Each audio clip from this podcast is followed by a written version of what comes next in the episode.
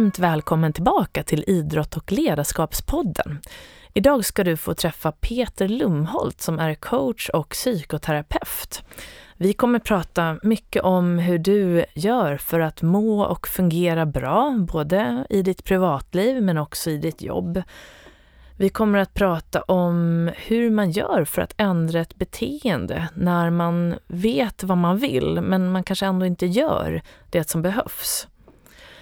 Vi kommer nosa lite på citationsanpassat ledarskap som en av de mest populära ledarskapsmodeller som finns. Hur man gör för att undvika de här fallgroparna som finns när man är stressad och eh, lite om nycklar till framgång och lärdomar av misstag. Så varmt välkommen och eh, nu kör vi!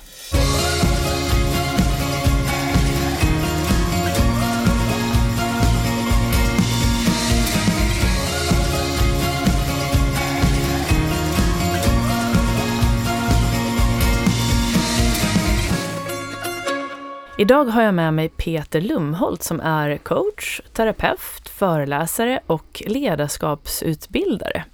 Bland annat. Och eh, som idag jobbar med sin fru i före, företaget Lumholt och Lumholt.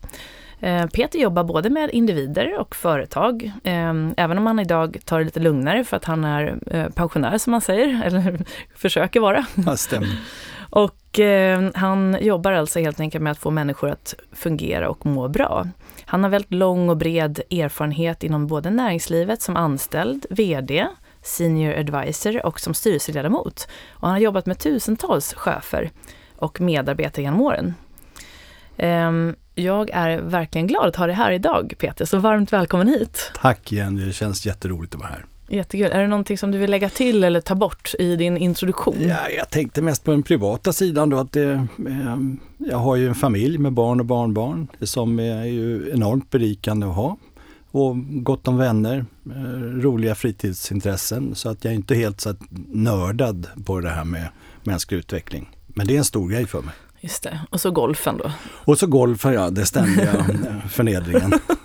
Precis, det är din egen utveckling vi ja, håller på med precis, där. Ja, där är jag lågt utvecklad. Just det. Mm. Um, så vi kommer ju prata en hel del uh, om dig, men också om uh, det här med hur man får människor att må och fungera bra. Men lite grann om nuläget och ja, vi, vi får börja med bara, vem är egentligen Peter Lumholt? Mm den där centrala frågan vi alla går runt med.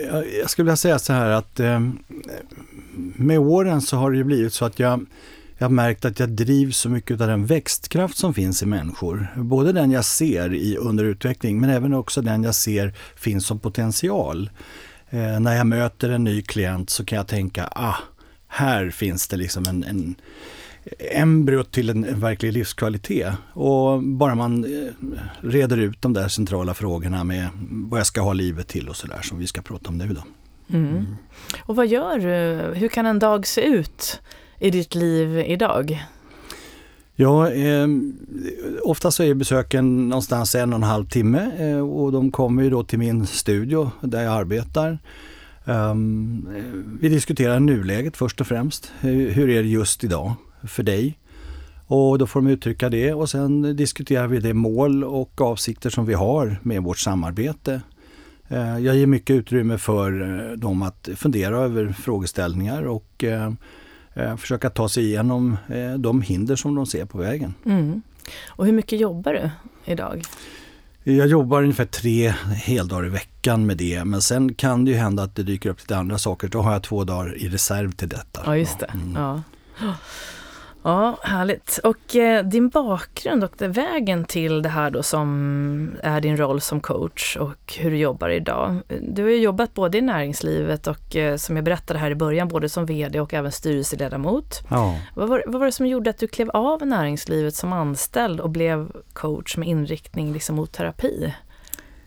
Jag, jag tror att det var jag hade ju en karriär i näringslivet i, stora multiföretag. Jag jobbade i 15 år reste väldigt mycket. Och vad jag kom fram till det var att det var väldigt, eh, väldigt kallt. Alltså det fanns inte så mycket hjärta, kamratskap, lek, utan det var ganska kallhamrat. Och, eh, det där gjorde väl att det skapades en stress, inte bara hos mig utan även hos mina eh, medarbetare och kamrater.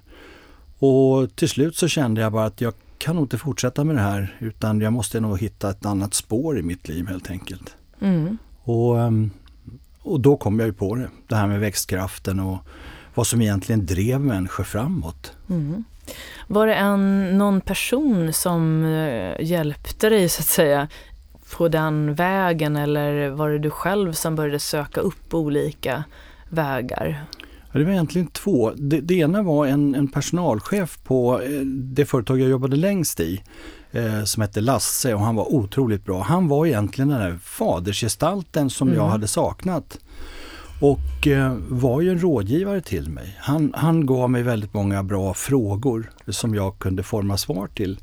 Jag tror att det var nog starten. Eh, han hade inga egna barn men jag tror att han såg mig som en, som en extra son sådär, eller en son. Och, eh, han har betytt väldigt, väldigt mycket för mig. Sen eh, så måste jag ändå säga det att när jag väl kom underfund med att jag inte visste åt vilket håll jag skulle, då träffade jag en bra terapeut, en psykoterapeut som heter Clay. Och han var oerhört viktig för mig i mitt liv. Han vände upp och ner på alltihopa så att jag fick chansen att titta på det utifrån ett annat perspektiv. Och som gav mitt liv eh, mening igen. Mm. Och när var det här? Hur länge har du jobbat som coach eh, nu? Ja, 88 vet jag att jag krisade och eh, sen var jag väl klar, jag började plugga beteendevetenskap och psykologi och eh, utbildade mig också till psykoterapeut, var klar 91, 92 någonstans där. Mm. Det är ju praktik involverat. Så 92 tror jag började praktisera och så skrev jag min första utbildning som jag då eh, genomförde. Mm. Vad är skillnaden sådär med att jobba med företag kontra att jobba med individer? Mm. Eh, företagskulturen kan ju naturligtvis vara någonting som gör det svårare att ge råd. Om du till exempel tänker att jag har vissa i en ledningsgrupp som kommer till mig men inte alla.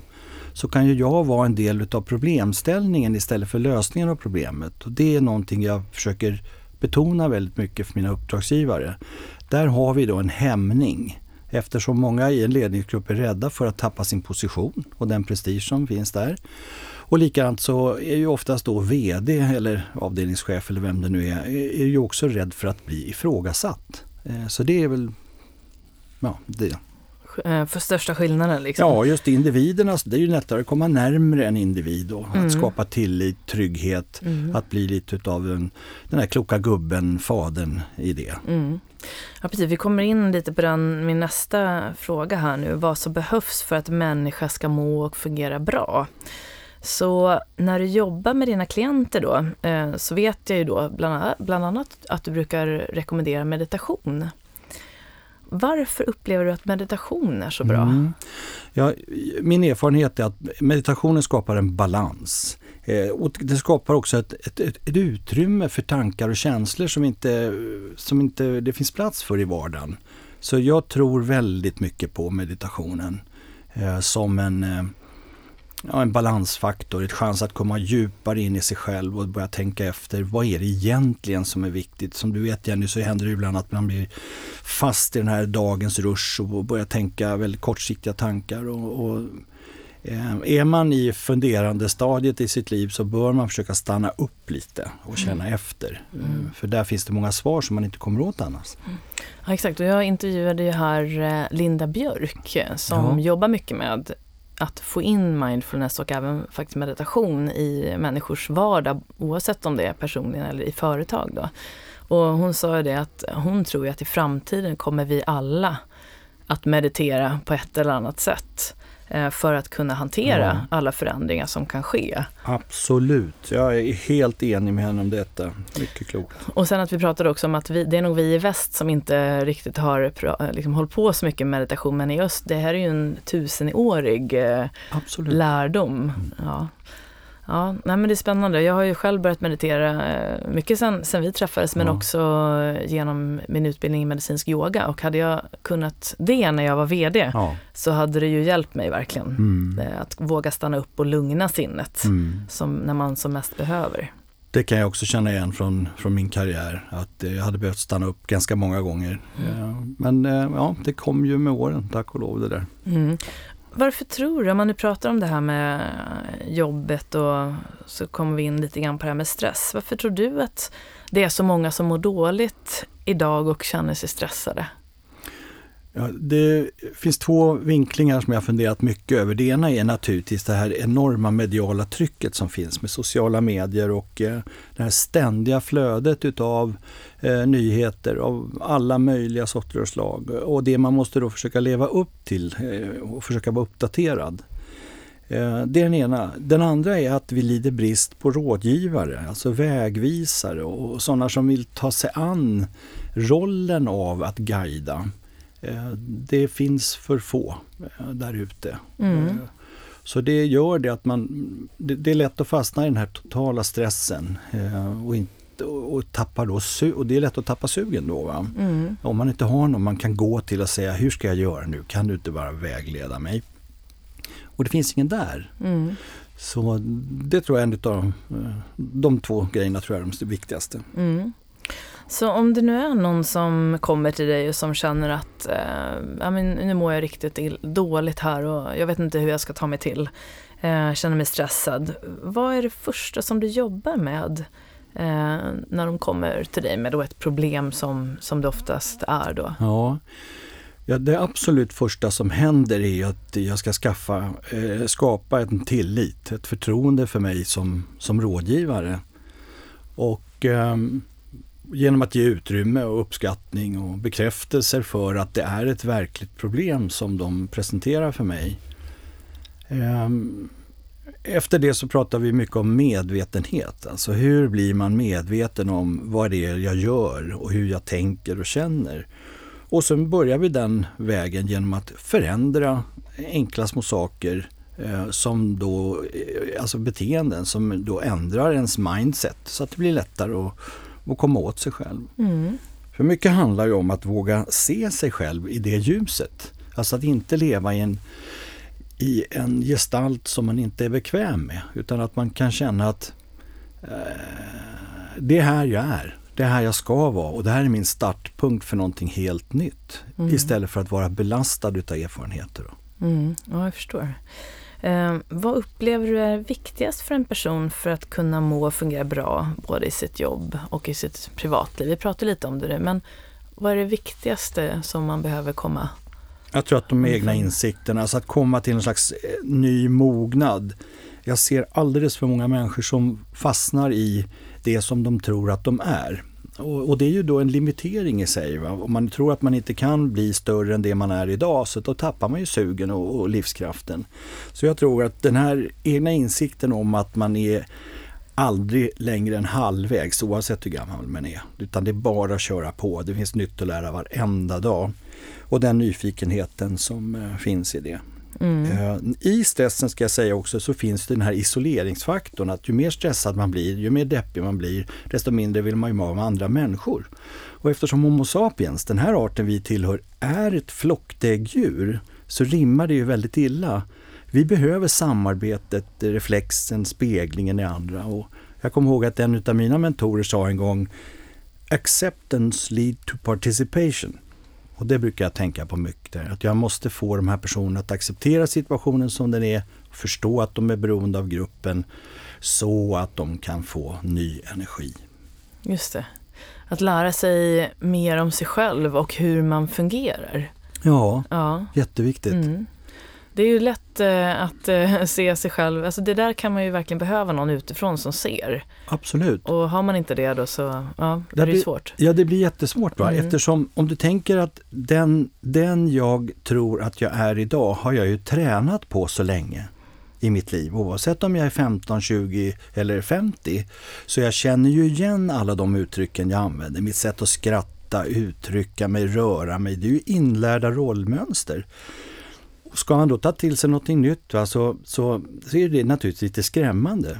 Eh, men samtidigt enormt viktigt som för vilken elitidrottsman eller kvinna som helst som ska lära sig en ny teknik.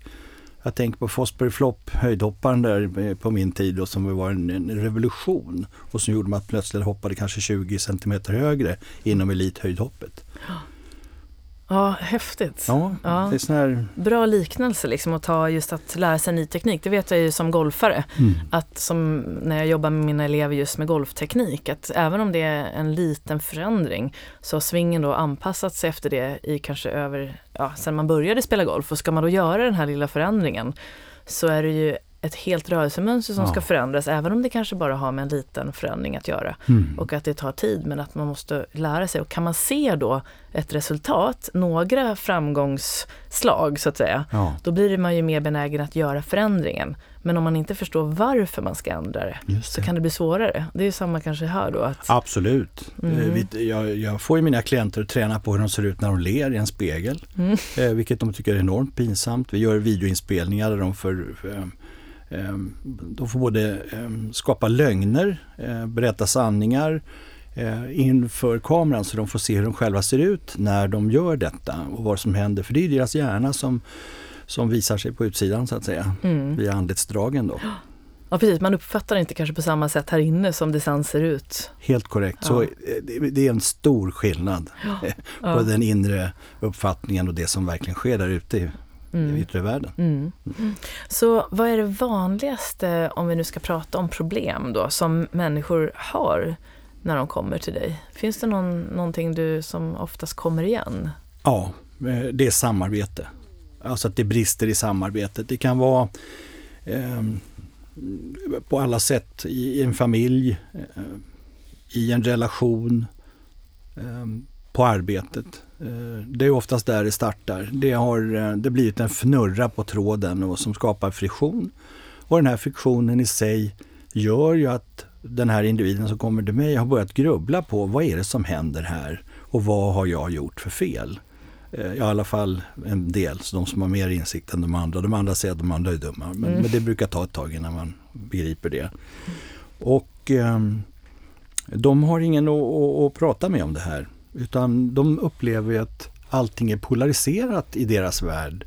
Det finns ingen neutral person att gå till. Och, och, och det är där jag kommer in i bilden då. Just det. Mm. Och vad är den viktigaste lösningen på det här? Vart ska man börja om, om man har samarbetsproblem då, oavsett om det är i sina privata relationer eller kanske på arbetet? Ja, medvetenhet är ju det absolut största. Att försöka uppnå ett, en, högre eh, del av nu, här och nu-tänkande. Alltså att härvarande, som jag brukar kalla det för. Att, att, att jag verkligen lever i nuet. För det är där jag kan parera allting som är levande. Det går liksom inte om jag eh, konsulterar varken historien eller framtiden för mycket. Så jag tror att det handlar om medvetenhet men också blickhöjd. Vad, vad är det jag ska ha det här, det här fantastiska miraklet livet till? Vad, vad ska jag göra med det? Jag menar, vi, det, det är ju svårt att... Men den som har sett eh, nyfödd baby vet ju hur vi känner oss då. Att wow, här startar ett helt nytt liv. Och, eh, men det startar ju egentligen varje dag för en människa. Den här Mm. nyfödseln om vi vill. Det är ju bara att gå upp på morgonen och säga det här är en helt ny dag, jag har aldrig upplevt den tidigare. Och jag brukar säga det när jag föreläser, vet ni vad som är så speciellt med den här dagen? Och det är ingen, så alla undrar vad är det för Jo, den kommer aldrig tillbaka, säger jag. Men nu har du världens chans att göra det här till en av dina bästa dagar någonsin. Om du vill. Men du måste bestämma dig själv, för annars går det inte. Mm. Ja, och sen det här med att ändra ett beteende, om man är ovan att tänka på det här sättet. Ehm, jag kan ju uppleva att många av de människor som jag möter, både i jobbet och privat, att de eh, vet oftast vad de behöver göra för att må och fungera bättre, men de kanske inte gör det. Så vad är nyckeln till att man börja göra det man vill och behöver, men som man ändå inte gör? Mm. Jag, jag tror att man måste titta på vad är det jag vill uppnå och varför. Alltså om jag känner så här. Jag måste gå till en coach eller en rådgivare för att jag mår inte bra. Det, det är något som inte riktigt fungerar. Jag kanske inte jobbar med rätt saker, jag kanske inte är i rätt sammanhang eh, privat eller socialt. Och då måste man ju försöka utröna vad är det som saknas? För oftast ska jag säga är det inte det som klienten tror från början utan det är någonting helt annat som ligger fördolt. Eh, så där måste man börja med att definiera målbilden och alltså det här egentligen action consequence-tänkandet. Va? Den här saken som jag eh, vill uppnå, konsekvensen, den, den måste ju, det måste finnas handlingar kopplade till den. Och det är de handlingarna jag måste definiera och säga, just det, jag ska gå på gymmet för att. Och så hålla den målbilden tydlig. Mm. Jag gör det för att jag älskar min kropp, jag vill gå ner i vikt eller vad det nu är för någonting. Jag, jag vill ha den här kroppen välfungerande, alltså går jag till gymmet. Och då är det så att hjärnan anpassar sig då till det i sitt tänkande. Så den kommer inte upp med en massa bortförklaringar utan den tänker bara som, som en robot. Jag ska gå på gymmet, punkt mm. slut. Ja, men, så målbilden är ju väldigt viktig även i ens, oavsett vad man vill förändra. Ja. Det, det där är ju så intressant. Det är ju väldigt lätt att kunna koppla golf till det är, det är privat, liksom till livet. Ja. Om man tänker att man står på ett utslag och så har man en flagga så har man ett hinder där också, ja. ett vattenhinder. Och så börjar du liksom fokusera på hindret istället för vart du ska. Och vart kommer bollen hamna? Mm. Jo, förmodligen mot hindret, för det är det du fokuserar på. Man tappar målet. Just det. Eh, och lite samma sak i livet där, om inte målet är så pass tydligt, mm. det ska vara lika tydligt som en flagga, ja. så blir det lätt att man börjar göra andra saker. Ja men absolut Jenny, det, det, det är precis så det fungerar. Och, och likadant myntet på andra sidan då, att om man är tillräckligt stark i den vision man skapar, så får man ju en sån boost in i motivationscentra i hjärnan så man blir väldigt svårstoppad. Och det är det vi ser på dem som vi kallar för elitidrottare eller framgångsrika artister eller vilka det nu är de är ju extremt motiverade. De drivs av viljekraft och livspuls snarare än rädsla. Mm. Och det är därför det blir så framgångsrikt. Mm. De plöjer som plogar rakt igenom alla hinder. De, de, mm. de uppfattar inte ens hindren. Nej, men jag har ju pratat med många som kommer hit till den här podden om just mål och visioner och vikten av att de här målen ska vara så himla motiverande och komma från ditt hjärta. Och det är när de gör det som det kan hända mirakel. Men om det inte är det, om det är kanske mål på grund av någon annan som säger till dig att du behöver göra vissa saker eller du kanske får bara ett mål från din styrelse, mm. det här är din budget och då, det händer kanske inte så mycket i hjärtat av det. Men då måste man liksom om, omvandla målet så att det blir Absolut. motiverande. Och hur, ja. hur, kan man, har du något tips till hur man kan mm. skapa sådana här målbilder som gör att man verkligen ändrar då sitt beteende? Ja, det finns två saker som spelar in där. Det ena är att jag tror man ska använda den så kallade SMART-metoden som ju det man använder i näringslivet mycket. Och det är helt enkelt um, um, så att de här bokstäverna står ju för olika saker då. Så specificerat, mätbart och så vidare. Det, så SMART-metoden rekommenderar alla som ska definiera sina målbilder. Mm. Det andra är att sprida det. Så du gör commitments genom att du förklarar för alla runt omkring dig vad det är du avser att göra. Mm. För då, eh, då blir det lite gisslantagen och då är det svårare att dra sig ur. Mm. Det är svårare att hitta de här riktigt bra bortförklaringarna då. Just det. Så det tror jag mycket på. Det publika har, ger ett visst tryck. Ja, där finns det ju de som, jag vet att jag brukar vara sådär att jag gärna säger högt mina mål. Men ibland då om man kan vara orolig, tänk om jag inte når målet. Mm. Och så har man då deklarerat det högt och mm. brett. Mm. Var, ska man ändå... Absolut. Ja. Det, det, är ju bland det bästa eh, lärdomen som finns i sin personliga mognad att säga förlåt mig, jag hade fel. Jag hade helt fel. Jag trodde att det var på ett visst sätt och det var på ett helt annat sätt. Du hade rätt, jag hade fel. Ja. Det är en bra mognadsprocess.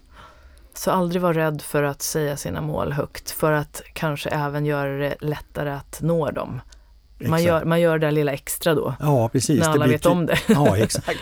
Kartan ja. blir mycket tydligare i huvudet. Mm. Och sen är det så här att, att um, om man känner till och kan acceptera den, den sanningen att om jag har fel så är det bra att jag säger det till andra.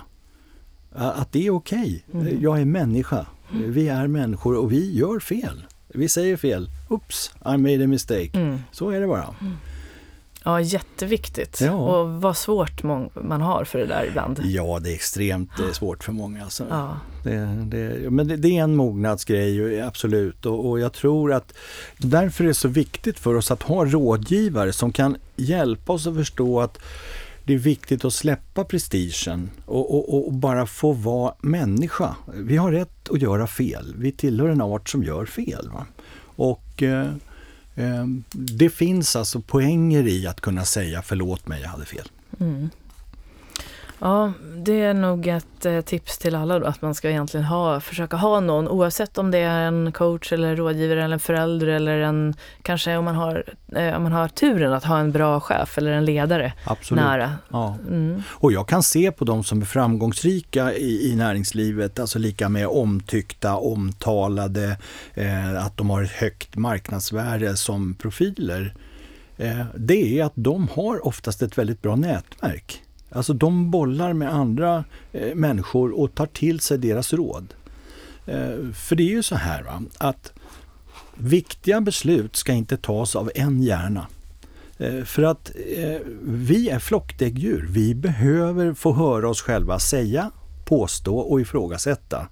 Eh, för att kunna processa de här tankarna och komma till riktiga beslut.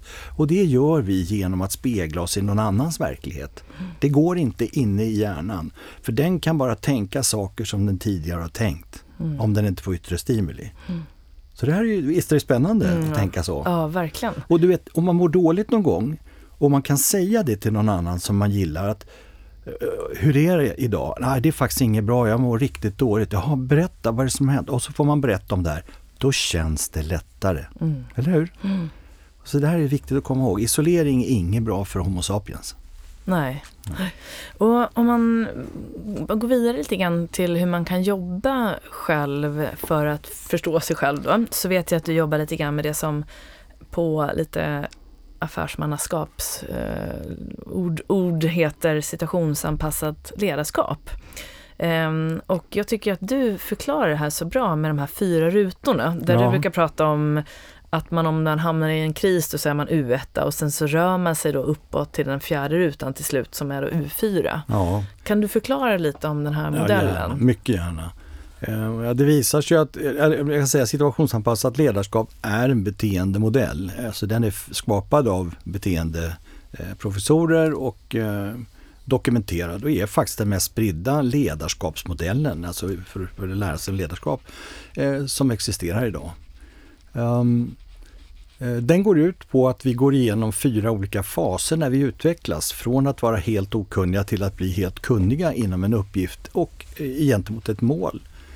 Och där den första eh, utvecklingsnivån, nummer ett, då, där betyder att man är omedvetet inkompetent. Man är bara glad i att få chansen att prova och det ska säkert gå vägen. Men man har inte provat så man vet ännu inte hur svårt det är. Sen kommer man i det läget att man börjar prova, eh, till exempel cykla. Alltså det ser väldigt roligt ut och det är många som kan cykla men har man inte gjort det förut så är det rätt krångligt när man väl sätter sig på sadeln. När man då börjar cykla så kommer man underfund med hur svårt det är och man vinglar och man kan inte koordinera handrörelser och tramper och, och då, då cyklar man omkull. Det kallas för att bli medvetet inkompetent, utvecklingsnivå 2. Ehm, och då behöver man eh, annat stöd än vad man behöver i, i utvecklingsnivå 1. När man väl har tränat och klarat sig igenom alla de här eh, utmaningarna som det innebär i utvecklingsnivå då, 2, då kommer man till medveten kompetens som utvecklingsnivå 3. Nu kan jag utöva cykling, jag kan prova att cykla på ett hjul, jag gör en massa olika saker för att utöka mitt kunnande inom just cykling. Och när jag har hållit på med det här ett bra tag så kanske jag till och med blir så bra som de här som tävlar i mountainbike och så. Då jag blir U4, alltså omedvetet kompetent. Det blir mycket ryggmärgsbeteende. Eh, Jag blir så att säga professionell på det jag gör. Så det är U1 till U4. Mm. Och till det finns det korresponderande ledarstilar då, S1 till S4 som ska ge den här individen det den behöver under utvecklingens gång så att man inte fastnar i eh, ett kaos eller i en censur någonstans. Då. Just det, och till exempel om man rör sig då i den här, säg att man har varit med om till exempel en kris, man kanske blir av med jobbet eller det händer någonting, då kan man säga att man är vid U1 då. Man vet inte riktigt vad man ska... Jag skulle tro eh, U2 är nog det som du söker. Man blir medvetet Ja. inkompetent. Alltså jag blev av med jobbet för att jag det. dög inte till. Va? Mm. Då har jag ett- en, en lågt engagemang. Jag känner mig deppig och jag upplever inte mig själv som eh, att jag förstår vad det är som har hänt egentligen. Alltså det är utvecklingsnivå 2. Just det, och så rör man sig då mot U3 Just det, och då kan det gå lite upp och ner. det stämmer. Och där kan det vara, man har lite självförtroende, man kommer tillbaka lite grann men så Mm. droppar man tillbaka ner och, kan bli osäker och att man kan fastna där ett tag men att man inte ska vara orolig. Det hör liksom till utvecklingen. Ja, absolut. Det är jätteviktigt att förstå att om man har varit med om någonting negativt och så vågar man sig ändå upp på, på estraden och testar sig själv igen. Då kommer hjärnan att skicka upp sådana här säkerhetstankar i form av svackor i engagemanget. Där man tycker att jag har ändå inte lärt mig någonting. Och, och då behöver man ju någon som stödjer en i ett ledarskap då som säger att det är okej okay, min vän. Så här känns det när man prövar sig själv. Och eh, det går över. Det är ingen mm. slutstation utan det är bara att hänga på. Nu kör vi. Mm. Mm. Och då kan vi gå vidare just det här att vara ledare idag. Um, vilka tror du, vi pratade lite grann det här om att vara i en kris eller att göra ett misstag. Så vilka är de största misstagen en chef eller ledare ofta gör, upplever du? Jag skulle säga att det kan själv. Eh, och det gäller alla nivåer. Jag har suttit också i styrelser i börsbolag. Vi har ehm, en någon slags märklig övertro på att vi som individer är lösningen på frågan. Eh, och jag måste säga att jag har sett under så många år nu att det här är verkligen ett, ett eh, inlärt beteende som kommer ifrån kanske högskoleutbildning eller att man har lärt sig en företagskultur. Men det skulle jag säga är det största hindret både till trivsamhet och lönsamhet i företag idag. Man tror att man kan själv. Och, och, det visar sig att så är inte fallet. Utan det är ju så, vi behöver expertis utifrån. Idag är det komplext att sitta i företag eller företagsstyrelser. Vi behöver alla bra råd vi kan få där utifrån. Mm. Eh, där är man inte så skicklig idag. Och hur kan det undvikas? Hur lär man sig be om hjälp? Ja, jag tror eh, det är en kulturfråga. Eh, och att man också skapar nätverk som inte handlar om att man ska eh, försöka bräcka andra utan man ska vara sårbar i det. Eh, gå in i det i en analysfas istället och säga att det här är ett slags help me-nätverk. Där jag är VD i det här företaget, vi har x antal tusen anställda, vi har den här affären, det här är krångligt, det är EU och så vidare. Och att man där kan då få i ett tryggt forum få uttrycka eh, sina tillkortakommanden och få input då från andra. Mm. För det kan jag som sagt se att de som har de här nätverken, eh, de blir mer lyckosamma. Mm. Så vad är signalerna på att man behöver söka hjälp så att säga som ledare eller även medarbetare? Om man börjar märka, hur kan man märka liksom, nu är det nog dags att jag släpper det här och ber om hjälp faktiskt för jag tror inte att jag fixar det själv. Ja, jag tror att eh, det är min erfarenhet i alla fall, att när, när den tanken har kommit upp, alltså när man, när man tänker den tanken, en slags gut feeling att det här är något, det är något som inte stämmer, då bör man prata med någon utomstående. Inte för många dock, det är många gör den tavlan att de går till för många rådgivare, utan ta en eller ett par i taget och utvärdera dem och sen kan man byta därifrån. Det, det, är det första. Annars så ser vi det på samarbete. då. Om du tittar utifrån min, mitt perspektiv handlar det om brister i samarbete och friktion. Det är då som eh, de signalerar till mig att det här går inte, vi klarar inte av det här internt. Det här har blivit en för stor och svår fråga för oss. Och då, eh, då får jag chansen att komma in och, och hjälpa till. Mm. Mm. Och eh, när du själv var ledare, vilken var din största utmaning? Ja, eh, om jag tänker på mina första chefsjobb då jag fick underställd personal så då var jag över 30-årsåldern och jag var inte alls mogen för det. Jag hade ju inte jag var en glad spillevink som var duktig på att sälja och prata för mig men eh, jag, att ta hand om människor var ju inte min grej då. Eh, jag ville gärna men jag hade inte kompetensen. Så där hade jag ju behövt en helt annan typ av eh, seniora rådgivare, en chef som hade varit mer lyhörd för min eh, junior mina, vad ska man kalla det för, eh, pulserande ungdomlighet. för att vara lite schysst. Så. Mm. Men jag var väldigt naiv. Um, så det tror jag var första. Om jag tittar sen framåt på de vd-jobb jag haft efter det och kanske de efter 50 så, så kan jag väl säga att jag tycker mer att det handlade om att vara tillräckligt tydlig. Alltså det var de största utmaningarna. Att jag, jag, det, det, det, har tagit många år för mig igen att komma underfund med att det jag tänker och säger uppfattas inte på det vis som jag tror. Utan det är kanske 25 procent och därför är repetitionen viktig. Och det är också viktigt att att kunna säkerställa att den andra har förstått vad jag har sagt genom att man ställer kontrollfrågor och följer upp. Eh, där tror jag, alltså, när det gäller uppföljning, det var nog ett av de svagare korten mm. i, i, mitt ledarskap. Mm. Så om man är en ung VD eller ledare idag så kanske man inte, det kan ju vara så att när man är ung så kanske man inte heller, då är det ännu mer det här kan själv. Just det. Att eh, det är svårt, svårare att be om hjälp när man är yngre, är det så? Exakt. Mm. Vi, vi, vi, saknar den här, eh, eh, den här känslan för att vi hjälper, hjälps åt i generationer. Utan ofta så ser man sig som att nu ska jag visa mig på styva linan. Och det går oftast inte bra. Mm. Utan det är bättre att ha den lite mer farfarsprincipen, att man, det finns trygghet någonstans. Vissa företag har det och lyckas väldigt bra med det. Och jag märker ju också efterfrågan på till exempel mina tjänster ökar ju något alldeles kopiöst. För att det saknas den här tryggheten där ute. Mm. Så om man är en ledare och så känner man att nu vill jag eh, bli just en ledare. Om man skulle kanske kunna särskilja då en chef och en ledare. Att vi bor kanske bättre av att ha ledare runt omkring oss istället för sådana som chefer. Ja.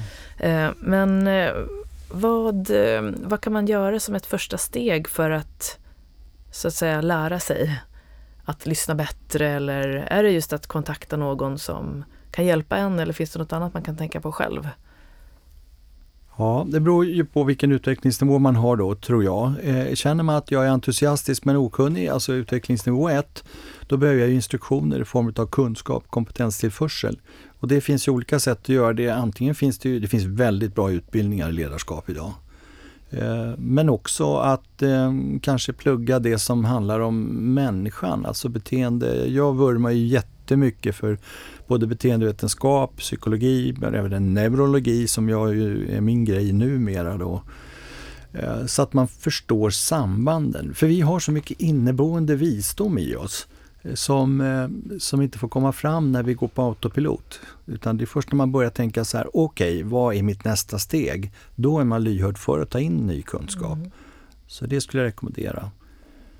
Då är vi tillbaka lite på det här med meditation också, ja, eller hur? Ja, absolut. Gå tillbaka till att stanna upp och våga kanske lyssna. Man har säkerligen mer svar inom sig oh, absolut. än vad vi tror. Ja, men det är helt klart så. Det är mm. det. Men det, vi måste bli medvetna då för att så länge vi låter neokortex eller det här dagligmedvetandet styra våra livet så har vi inte tillgång till så stor kapacitet utan vi måste ju känna efter, eh, jämföra det med tidigare erfarenheter, um, utvärdera vår kunskap och se om bäst före-datum har gått ut och ändå inte låta erfarenheterna hindra oss från att tänka fritt. Mm. Utan komma lite vidare. Um, och då behöver vi andra människor och miljöer som, uh, som uh, tillfredsställer det. Mm. Och vad tror du kommer vara viktigt för ledare i framtiden? Mm. Jag, jag, tror att att selektera. Eh, alltså när jag tittar på rekrytering idag så, så eh, har man ju då överlåtit det till professionella rekryteringsbolag. Där finns en övertro. Eh, jag, jag, tror att man måste också själv lägga sig i den här processen och ta ansvar för den. Och jag förstår att det är svårt att ta hem 300-400 ansökningar men någonstans måste man ändå ha de resurserna inhouse, tror jag. Att man kan utvärdera och ta ansvar för rekryteringen. Jag ser alldeles för många rekryteringar som går överstyr.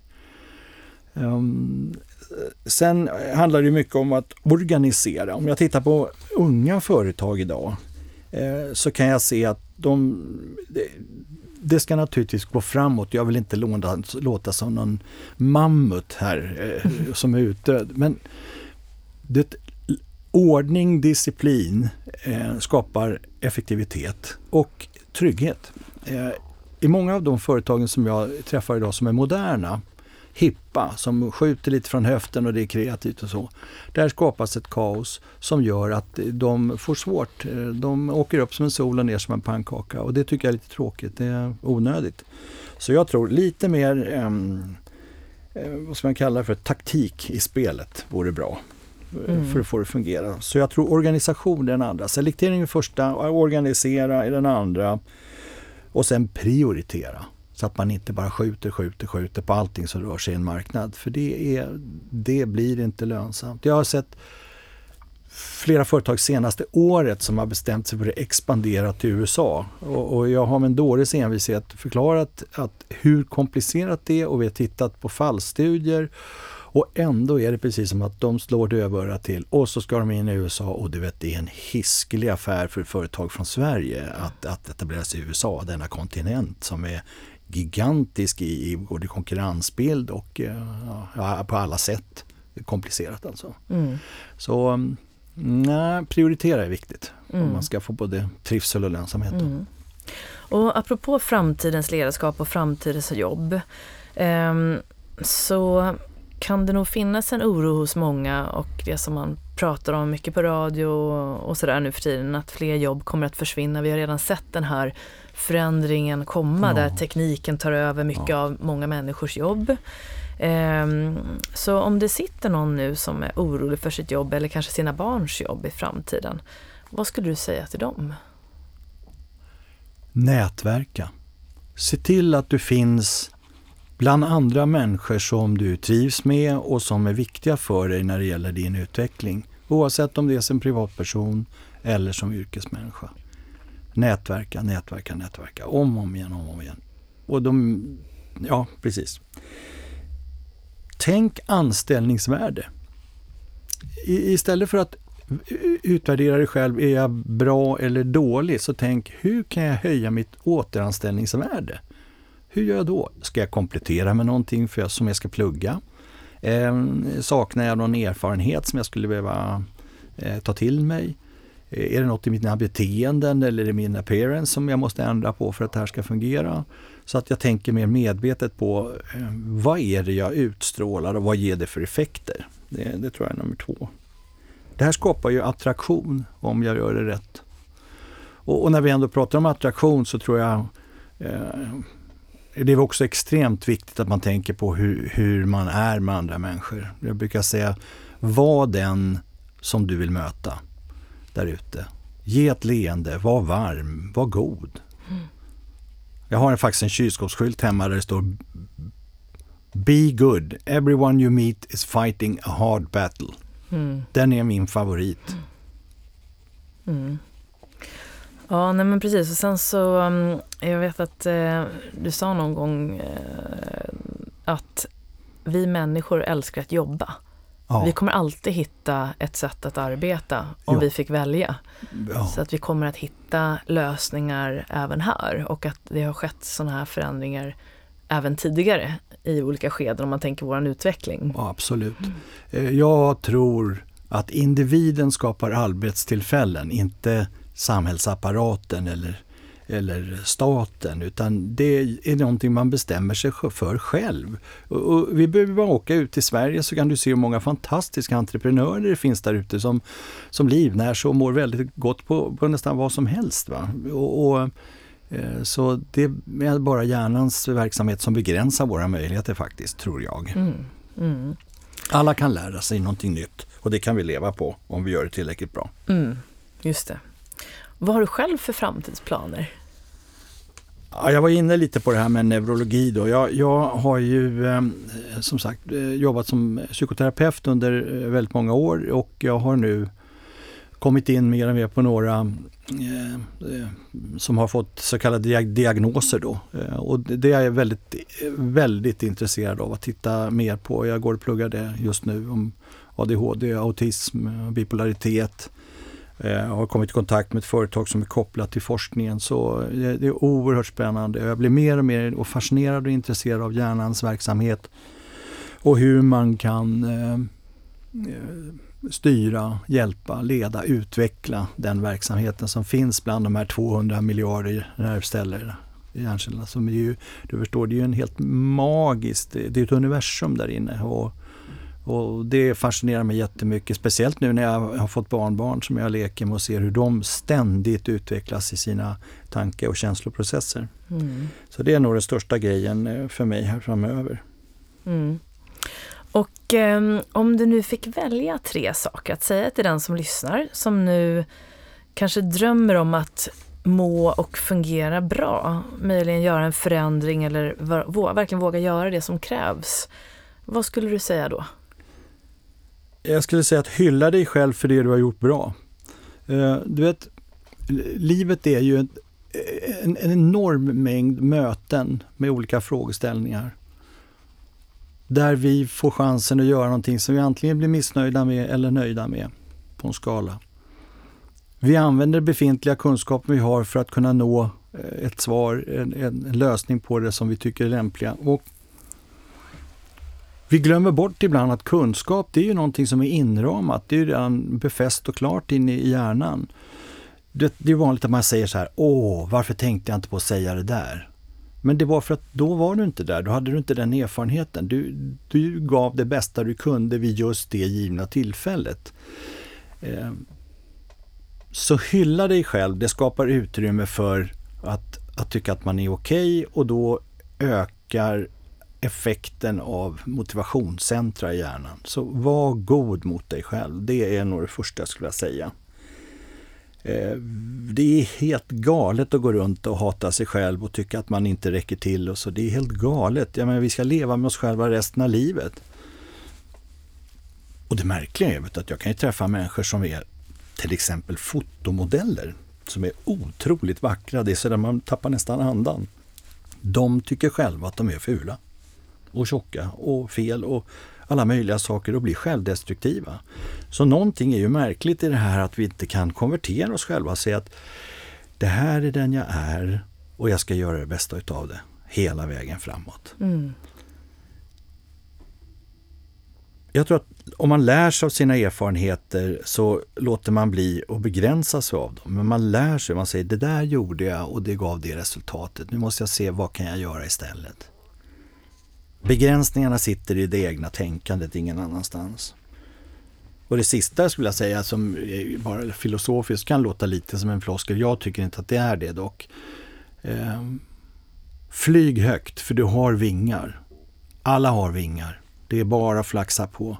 Riskerna är så små. Vet du. Det är, om det värsta skulle inträffa så ja, behöver vi inte ta konsekvenserna om man får vara lite morbid. Då. Men nej, jag ser så många som har tagit för sig och lyckats bra i livet och är väldigt stolt över det.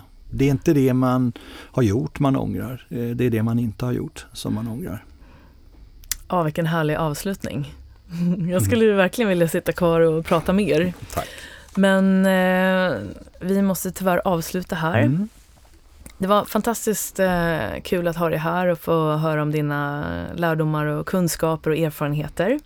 Och om man vill veta mer om dig, finns det någonstans man kan läsa om det? Eller? Då kan man titta på min hemsida www.lumholt.nu. Eh, där kan man också ta kontakt med mig eh, om man vill prata om någonting. Just det, och Lumholt stavas med DT. Ja, det är korrekt. ja. Det är ett danskt namn så det stavas med DT på slutet, Lumholt. Just det.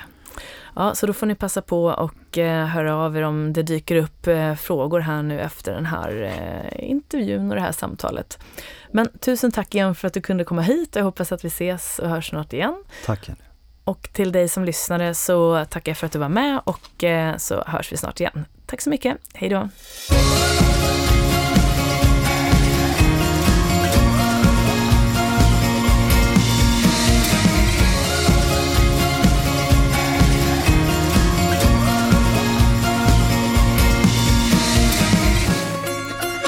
Har vi lyssnat till eh, mitt samtal med Peter Lumholt. Och jag hoppas att du har fått med dig en eh, hel del eh, nya tips och råd och kunskaper och inspiration som du redan nu kanske kan ta med dig in i din egen vardag. Och vill du kontakta Peter eller veta lite mer om honom så går det bra att gå in på hans hemsida då som han nämnde som heter www.lumholt.nu. Eh, du får gärna höra av dig till mig också om du har några funderingar. Eh, och eh, då finns jag på www.jennyhagman.com. Tack för att du var med mig eller oss den här dagen och jag hoppas att vi ses och hörs snart igen. Och tills dess, ta hand om dig och hej då.